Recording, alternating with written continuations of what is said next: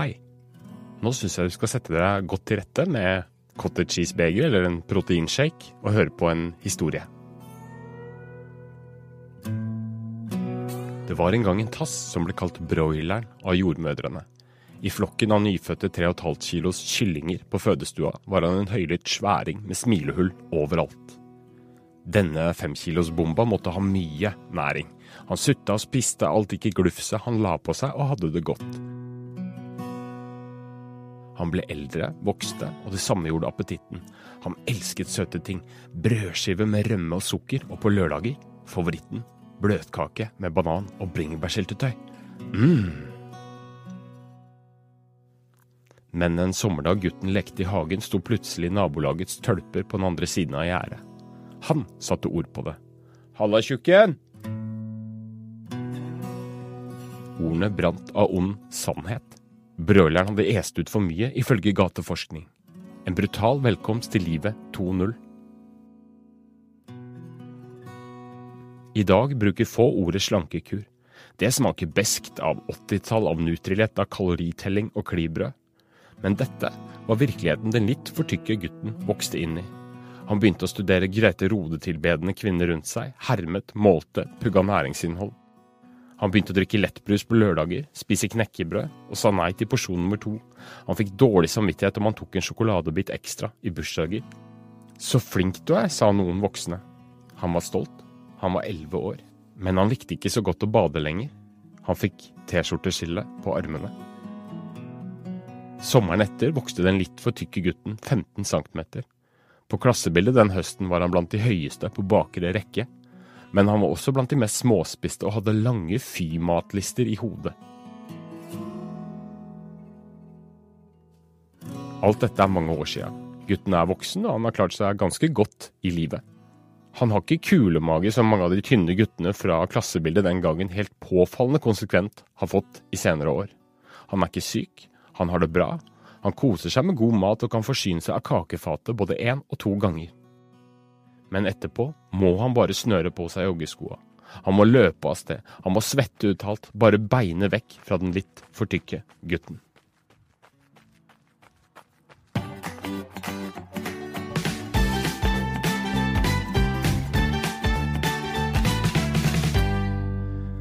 Hei og velkommen til en ny episode av Foreldrekoden. Det du nettopp hørte, var en tekst som jeg skrev for noen år siden. Lest opp av meg selv. Årsaken til det er at ø, mat og barn og følelser, og kanskje særlig hvordan små kommentarer er egnet til å sette spor, er noe som opptar meg en del, og har egentlig gjort det hele livet.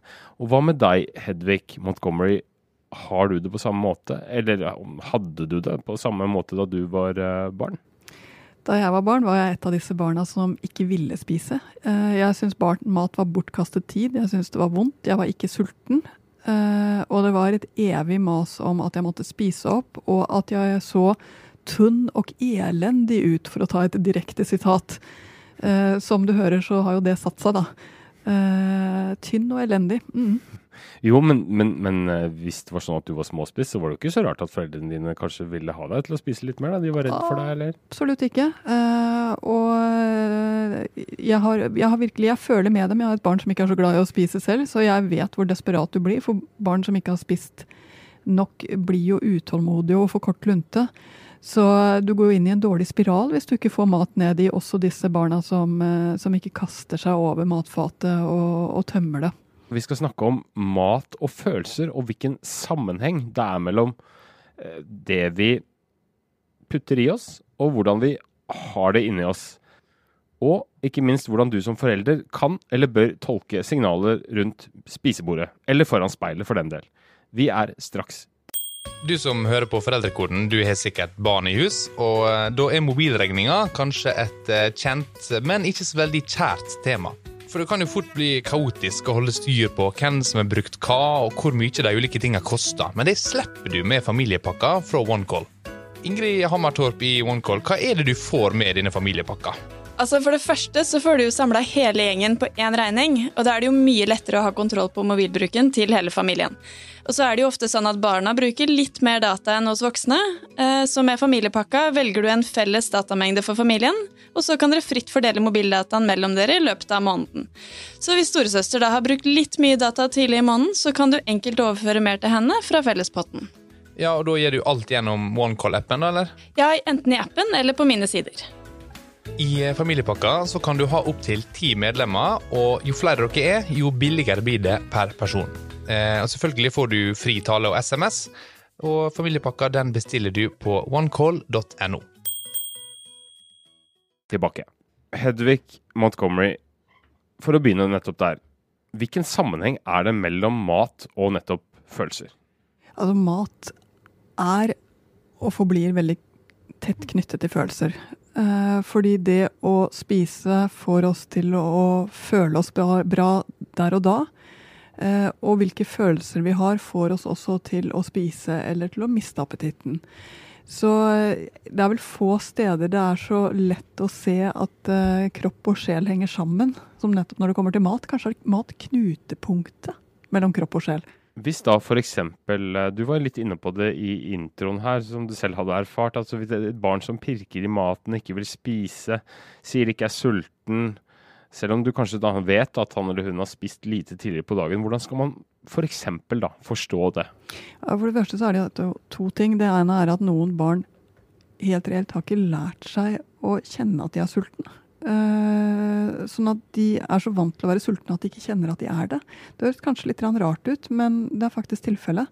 Så det er en god del barn som gladelig hadde byttet bort alle måltider med én pille i døgnet hvis de hadde kunnet, og som ikke har noe forhold til dette her nå er jeg sulten og nå er jeg ikke sulten.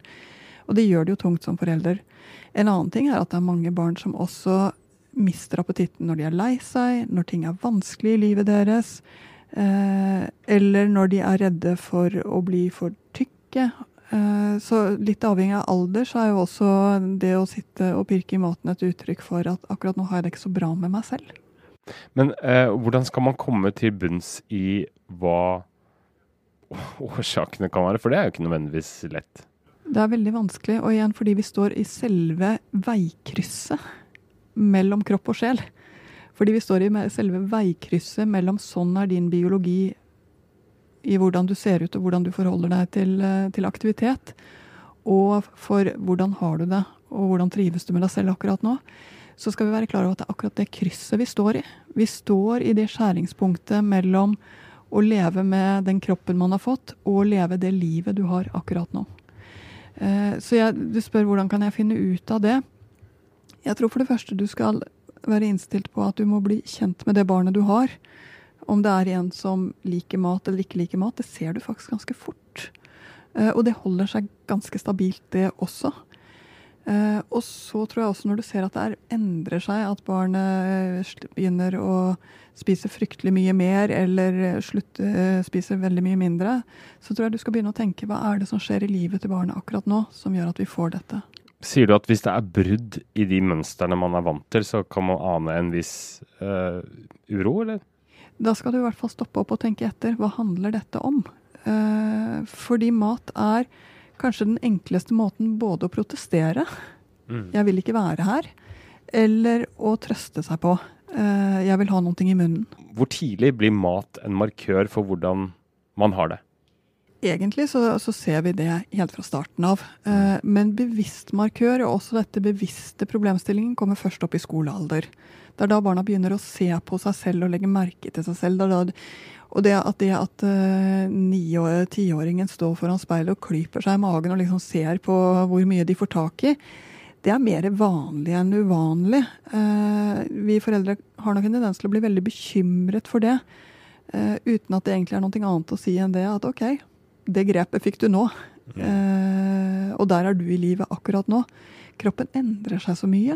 Men Du sier 'der er du i livet'. Hvor er de i livet? Altså, er, de ba, er, det bare en slags nysgjerrighet, eller er det Ja, det er en slags nysgjerrighet, men også en viss uro. Eh, de kan sammenligne seg med de eldre barna og synes at de ikke ser bra nok ut, uten å ha en forståelse av at ni-tiåringer ofte har et lite ekstra reservelag eh, på, på vei inn i puberteten, og at det blir borte ganske snart.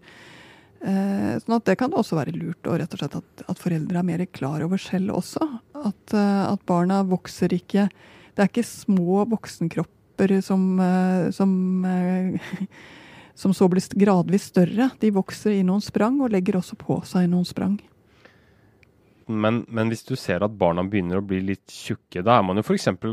utsatt, det vet vi, for uh, mobbing, erting. Uh, og som jeg var inne på i, i introduksjonen her, Eh, den lille teksten, så kan jo det sette, sette sine spor. Og hvis man på, i løpet av barneskolen oppdager at eh, barna eser ut, da, uh, som kan ha genetiske årsaker, eller kan være at de forsyner seg for mye eller har stor appetitt, eller at de har det dårlig. Hva, hvordan skal man angripe det?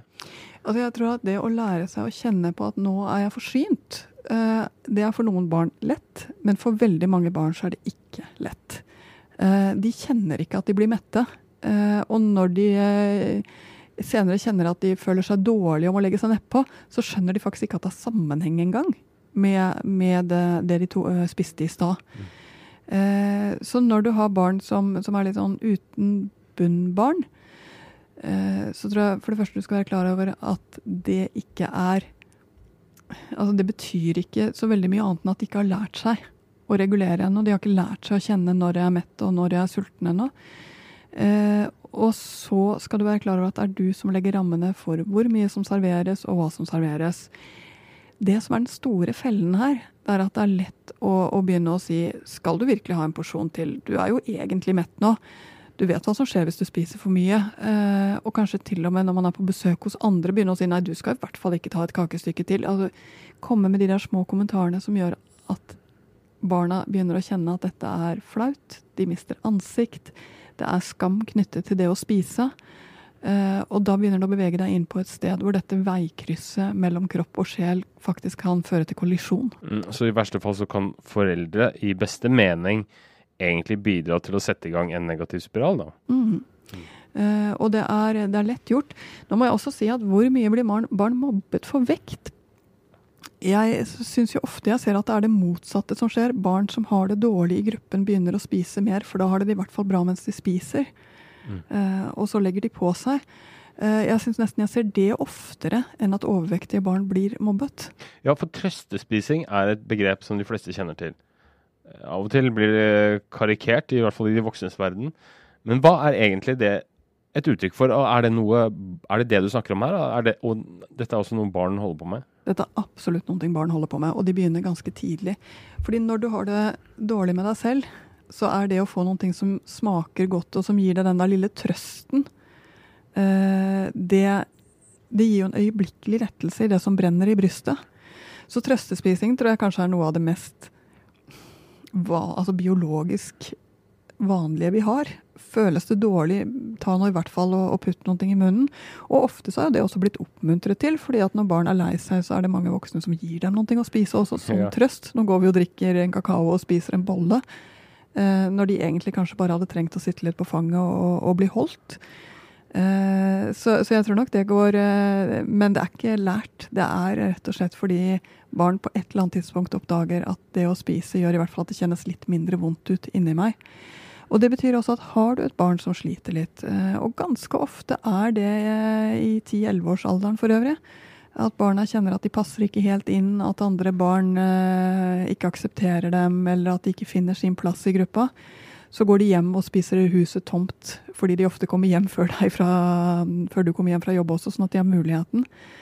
Eh, da tror jeg du skal se det som en liten sånn hands up, og at nå er det noe som kanskje ikke er helt ålreit. Eh, Vi snakka sammen litt på forhånd her, da nevnte du en undersøkelse. Eh, ja, det var en undersøkelse i Bergen av barn og ungdom i Bergen som viste at barn som vokste opp i to familier, altså som hadde skilte foreldre, og der hvor det var steforelder, altså en ny partner inne på minst én av sidene, så veide barna i snitt litt mer enn barn som bodde i, i hjem med, med opprinnelig og besetning, holdt jeg på å si, av ja. foreldre. Uh, og det må jeg bare si at det, det, skjønner jeg godt, fordi det er mer slitsomt å forholde seg til to hjem. Det er også mer slitsomt å forholde seg spesielt til nye voksne som skal inn og, og sette grenser for deg og, og, bestemme over deg som barn og ungdom. Uh, så jeg syns ikke det er overraskende at vi finner denne lille vektøkningen. Men det som eh, gjorde inntrykk på meg da jeg leste det, det var at det så fort kom kommentarer at det er fordi det blir for mye kos Mm. eh, i begge hjem. Eh, men sannsynligheten er nok faktisk litt det motsatte. At barna føler at de kanskje ikke passer inn i noe hjem. Eh, vel så gjerne som at det blir for mye kos. Det kan være begge delene. Så at mat blir kompensasjonen for en, litt, en uro eller noe rastløshet? Eller Ja, for en følelse av å ikke være helt eh, til stede eh, i sitt eget hjem, som virkelig er en vond følelse.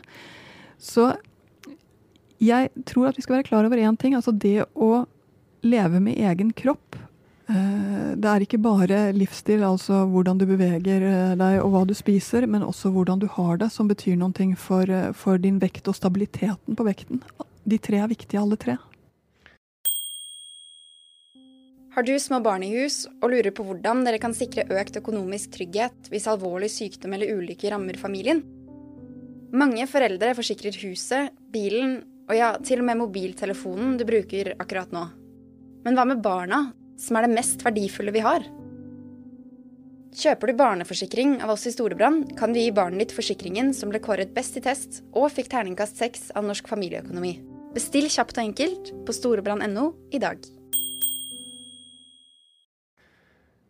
Men det er en periode hvor barna rent biologisk ofte legger på seg.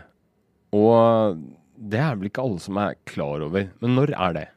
Nei, altså Vi ser at barna før de går inn i puberteten, eh, samler litt krefter til det store spranget som, som puberteten er. Og det vil si at vi ser jo at mange barn i eh, fem, fjerde, femte, sjette klasse, eh, og jentene før guttene er, eh, siden guttene kommer senere i puberteten, eh, legger litt ekstra på seg. Eh, og det, det strekker seg ut igjen når puberteten kommer og disse kreftene trengs. Eh, Så det betyr ikke at man skal være helt blind for det, og at det bare er å, å spise hva som helst av dårlig mat og ese utover. Men spiser barnet ålreit, sunn mat og driver med ålreite, sunne og beveger seg og går til og fra skolen og, og er i aktivitet, så er det ikke noe å være bekymret for. Det er noe som kommer til å, å rette seg. Mange i vår tid eh, har jo demonisert sukkeret. Mm. eh, og, nærmest nedlagt forbud mot, mot eh, det i hjemmet. Er det riktig strategi? Jeg må bare si at jeg har jo liten tro på, eh, på ekstreme eh, varianter av alt, også av dette. Jeg tror vel til og med at sjokolade er en del av et balansert kosthold. Både for min del og for barnas del. Men det jeg sier der er også en ting, det er at det skal jo ikke være det som er hovedingrediensen. Så at barn blir vant til at ja, det finnes søte ting, eh, og vi spiser litt av det også, eh, tror jeg er en ålreit måte å gå inn i selvstendighetsfasen som tenårene er på. Hvis barna får aldri lov til å, å, spise noen ting som smaker søtt, og det blir med en gang slått ned på at da blir du tjukk, som for øvrig ikke er sant, det er ikke så lineært dette her, eh, da må jeg bare si at du både risikerer barn som får et veldig skyldbetynget forhold til mat, og du får barn som nok gjerne gjør opprør mot den strengheten så fort muligheten byr seg. Jeg er vokst opp i et uh, Grete Rode-inspirert miljø på 1980-tallet. Og det skal jeg innrømme satte sine spor, uh, som jeg også var inne på i den teksten innledningsvis. Altså, hvor tilbøyelig er barn til å herme etter de voksnes matvaner? Vi tror jo kanskje at vi kan bare dille litt med smådietter borti hjørnet uten at de legger merke til det. Eh, men kan vi egentlig det? Dessverre ikke, altså. Eller kanskje heldigvis ikke. Eh, når vi lever så tett sammen som det vi gjør i en familie, så kommer slike ting Det flyter mellom oss på et eller annet tidspunkt. Eh, og det er ingen tvil om at det å vokse opp med en forelder som slanker seg hele tiden, gjør at ditt forhold til mat blir ganske merkelig. Eh, det å holde på å veie maten som mor spiser, det er klart det merkes. Og det er klart det gjør noe med din opplevelse av hvordan mat skal spises. Mm. Eh, så det er ikke noen god idé eh, å drive med diettene sine. Du må finne en annen måte å gjøre det på. La oss si da at man er opptatt av at ikke vekt og, og, og det skal bli et fokus i hverdagen. At man begynner å, å, med litt sånn begrepsakrobatikk å betone det, det, sunne og sterke isteden å, å, tenke at ok, hvis man bare gjør det, da går det nok greit. Men Da får ikke barna noe trøblete forhold til, til, alt som har med kropp og, og mat og følelser å gjøre. Mm. Vi ser det ganske mye. At uh, mammaer og pappaer tenker at hvis vi bare snakker om at det er viktig å trene, det er viktig å leve sunt, og bare bruker den type ord, så kommer barna til å uh, spise sunt også, mm. uh, og til ikke å få spiseforstyrrelser. Dessverre så stemmer ikke det i det hele tatt. Barna skjønner veldig fort at her er det viktig å ikke bli tjukk. Uh, de hører hva som blir sagt under uh, i det budskapet. og jeg tror nok at vi helt skal være klar over at det, er, det ene er at du skal leve et ålreit liv selv for å kunne vise barna et ålreit liv. Vil si at du må spise passe mye og passe variert og trives med det og gjøre det sammen med barna for at de skal lære seg det. Og ja, de tar ganske mye til seg. Eh, og så må du selv vise frem gleden ved å være i bevegelse og, og, trives med den kroppen du har. Og det er ikke så lett, fordi det å trives med sin egen kropp er eh, jammen meg ikke noe lettere med årene, eh, egentlig. Eh, men du må leve litt som du lærer. Men det andre er at barna trenger også at når de står der og lurer på kan jeg se sånn ut, så trenger de også å få lov til å snakke om det. Og snakke om det uten at det er et moralsk spørsmål. Det er rett og slett et spørsmål som handler om å leve med seg selv og den kroppsbygningen man har fått. Hvor noen er mer uheldige eller mindre uheldige. Men jeg har forstått det sånn at du er veldig opptatt av at uh, foreldre ikke skal kommentere barnas kropp. Uh, hvorfor ikke? Ja, spesielt når man kommer opp i tenårene. Uh, men også er det egentlig bare før at det å sette merkelapper på barn gjør at de mistrives med seg selv. Mm. Sånn at om du er, ja, men du er en sånn liten lubben en, så eller du er en sånn som alltid ser ut som en fyrstikk, så vil fyrstikk føles negativt, eller liten og lubben føles negativt. Eh, de har lyst til å være den de er, og de kommer også til å endre seg ganske mye. Eh, så kroppskommentarer tar de både skjevt og også hører etter hvert på en negativ måte. Så jeg tenker at det å legge mer vekt på at Eh, når, eh, altså ikke komme med de karakteristikkene, gjør det lettere for deg å være til hjelp, rett og slett. Men hva er clouet hvis man syns at barnet sitt er i ferd med å A. bli for tynn, B. legge seg ut. Man mistenker at det har noe med hvordan de har det i seg, kanskje, å gjøre. Eh, og så er, man, er, de kanskje i en alder hvor det allerede er ganske vanskelig å nå inn til dem. De har sine hemmeligheter, de legger, legger noen sånne skall utenpå seg selv. Svarer med enstavelsesord gjør jo mange gutter, kanskje særlig. Eh, i alle, hvordan i alle dager skal man liksom nøste opp i dette her for å finne ut om det er fare på ferde? Jeg eh, tror at du skal være klar over at det er ikke i situasjonen du får noe særlig svar.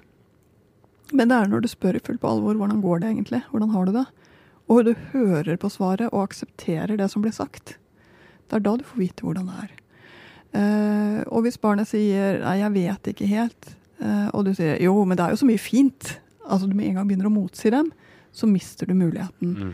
Jeg tror en av de tingene som vi alle kan være flinkere til, både som foreldre og som medmennesker, er faktisk å høre på de svarene som blir gitt og å ta dem inn over oss uten å sette sannhetsverdi på dem, men å skjønne at sånn er det å være deg akkurat nå.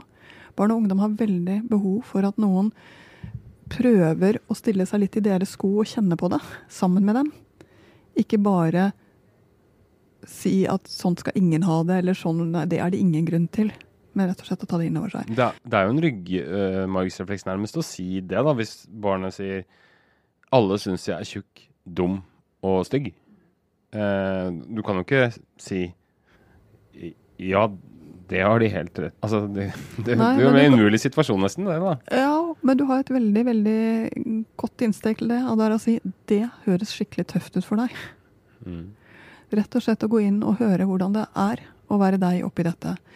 Så det er det ene. Det andre som jeg jo tror vi skal være klar over, det er at spiseforstyrrelser er en skål som stort sett blomstrer opp utover i ungdomsskolealder og kulminerer i 16-årsalderen.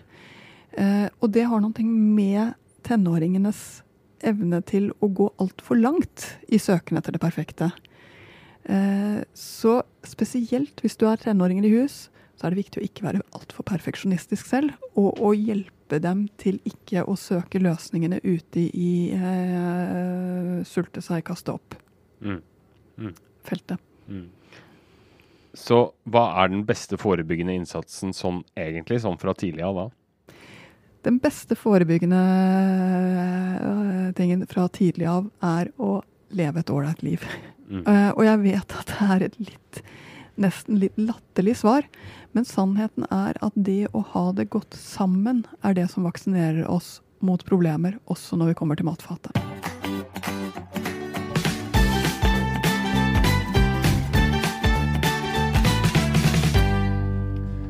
Vi skal ha ukas spørsmål.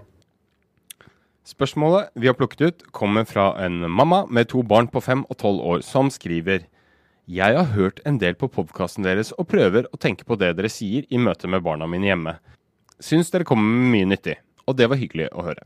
Men jeg lurer på én ting, skriver hun videre. Skal aldri barn få konsekvenser for dårlig oppførsel lenger? Skal de alltid bare forstås og tas tid til? Er det feil å sende dem på rommet eller ta fra dem skjermtid når de ikke hører etter på det vi sier, eller andre ting? Skal de forstås i hjel? Eh, flere spørsmål i ett der, altså, men kjernen er vel at eh, hun kanskje syns det er litt vanskelig å være tålmodig og, og gå ned i øyenhøyde, som du ofte sier, eh, når barna ikke syns å høre uansett. Da må jeg for det første si at ting får jo konsekvenser. Eh, når barna ikke hører etter, så blir det dårlig stemning. Det merker de også. Mm. Eh, når barna ikke hører etter, så blir det mindre tid til det dere egentlig skulle gjøre. Det merker de også. Eh, og jeg syns det er helt greit å si at vet du hva, enten må vi finne en bedre måte å løse dette på, eller så må vi slutte med spilling eller iPad eller hva det kan være for noe på denne tiden, for det, da får vi det ikke til. Mm. Altså rett og slett snakke med barna om hva det er for noe som skjer. Eh, og at vi alle sammen til tider sier at eh, nå er det bare slutt, nå trenger jeg at du blir med meg. Altså Du må jo sette en grense et eller annet sted, det er jo det hun spør om. Men grenser og konsekvenser er et veldig vanskelig tema i den forstand at hvis du gjør det på den der gamle måten og sier at slutter du ikke nå, så må du gå på rommet ditt, så får du aldri til den reparasjonen, så får du ikke til den samtalen, så får du ikke til det som gjør at det faktisk fungerer igjen, i noe særlig grad. Uh, med de fleste barn så spiller det nesten ingen rolle hva du gjør for noe. Dette høres kanskje litt rart ut. Eh, men med de barna som virkelig strever med å avslutte, med å høre etter, med å få med seg hva som blir sagt, så vil det å bli sendt på rommet eller å få sterke konsekvenser faktisk gjøre vondt verre for dem. De vil få det enda dårligere med seg selv og enda større problemer med denne kommunikasjonen, som egentlig er det vi søker. Hva er det jeg prøver å si? Jeg prøver å si at det, når barna gjør noe gærent, så er det du trenger, det er mer kontakt, ikke mindre kontakt. Problemet med å sende på rommet eller å si da blir det ikke mer iPad, det er at det er det motsatte av det du trenger. Det du trenger, er Vet du hva, nå havnet vi der igjen. Dere spilte for lenge. Konsekvensen ble at vi fikk altfor dårlig tid å spise før vi skulle dra av gårde, og alt ble bare stress. Den samtalen kan du ha med både en fem- og en tiåring, og i hvert fall med en tiåring. Men så, da hører jeg bare ekkoen av stemmen fra min eh, mor eh, for 100 år siden. Eller nei, nesten. Eh, sånn går det når du mm. Men er det riktig, da, altså? Jeg må i hvert fall si at en av de tingene barn trenger, er å se at det er en sammenheng. Mm. Hva med å eh, gjøre sånn Hei! Eller for å markere hvor grensene går. Er det, er det, det, det kan jo hjelpe litt, men er det også dumt? Jeg vet ikke. Eh, jeg, jeg, har ikke noe kjempegode svar på det. Uh, se hva som funker. Men jeg vet at når barna opplever at du er brå, at du blir sint, og at du ikke klarer å stå i situasjonen, så klarer ikke de det heller. Tar det til etterretning.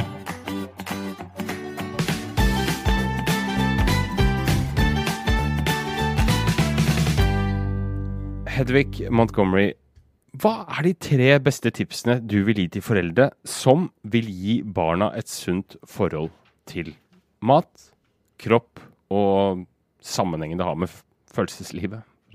Altså Det ene når det gjelder mat, er faktisk å skjønne at mat er noe som tar litt tid. Sette av nok tid i familien både til å lage mat, uh, ha et mat som er sånn noenlunde ålreit å spise, uh, og som dere har tid til å spise sammen. Det andre det er eh, ved at barna får lov til å bli kjent med når de er sultne og når de er mette, uten at det mases og uten at det dras i dem, så vil de også bli det. Og det tredje det er at du må skjønne at det er en sammenheng mellom mat og følelser. Eh, så når du ser at barn sliter følelsesmessig, ikke gå løs og kjeft på dem i matfatet. Løs de følelsesmessige problemene først. Da lar vi det være siste ord fra dagens sending. Eh, vi håper du har fått noe ut av dette. Det tror jeg. Meld deg gjerne inn i Facebook-gruppa vår Foreldrekoden, og fortsett diskusjonen om f.eks. dette temaet her. Eller hvis du har noen spørsmål eller innspill eller uh, hva som helst, kan du sende en mail til foreldrekoden at aftenposten.no. Takk for i dag, og ha det bra.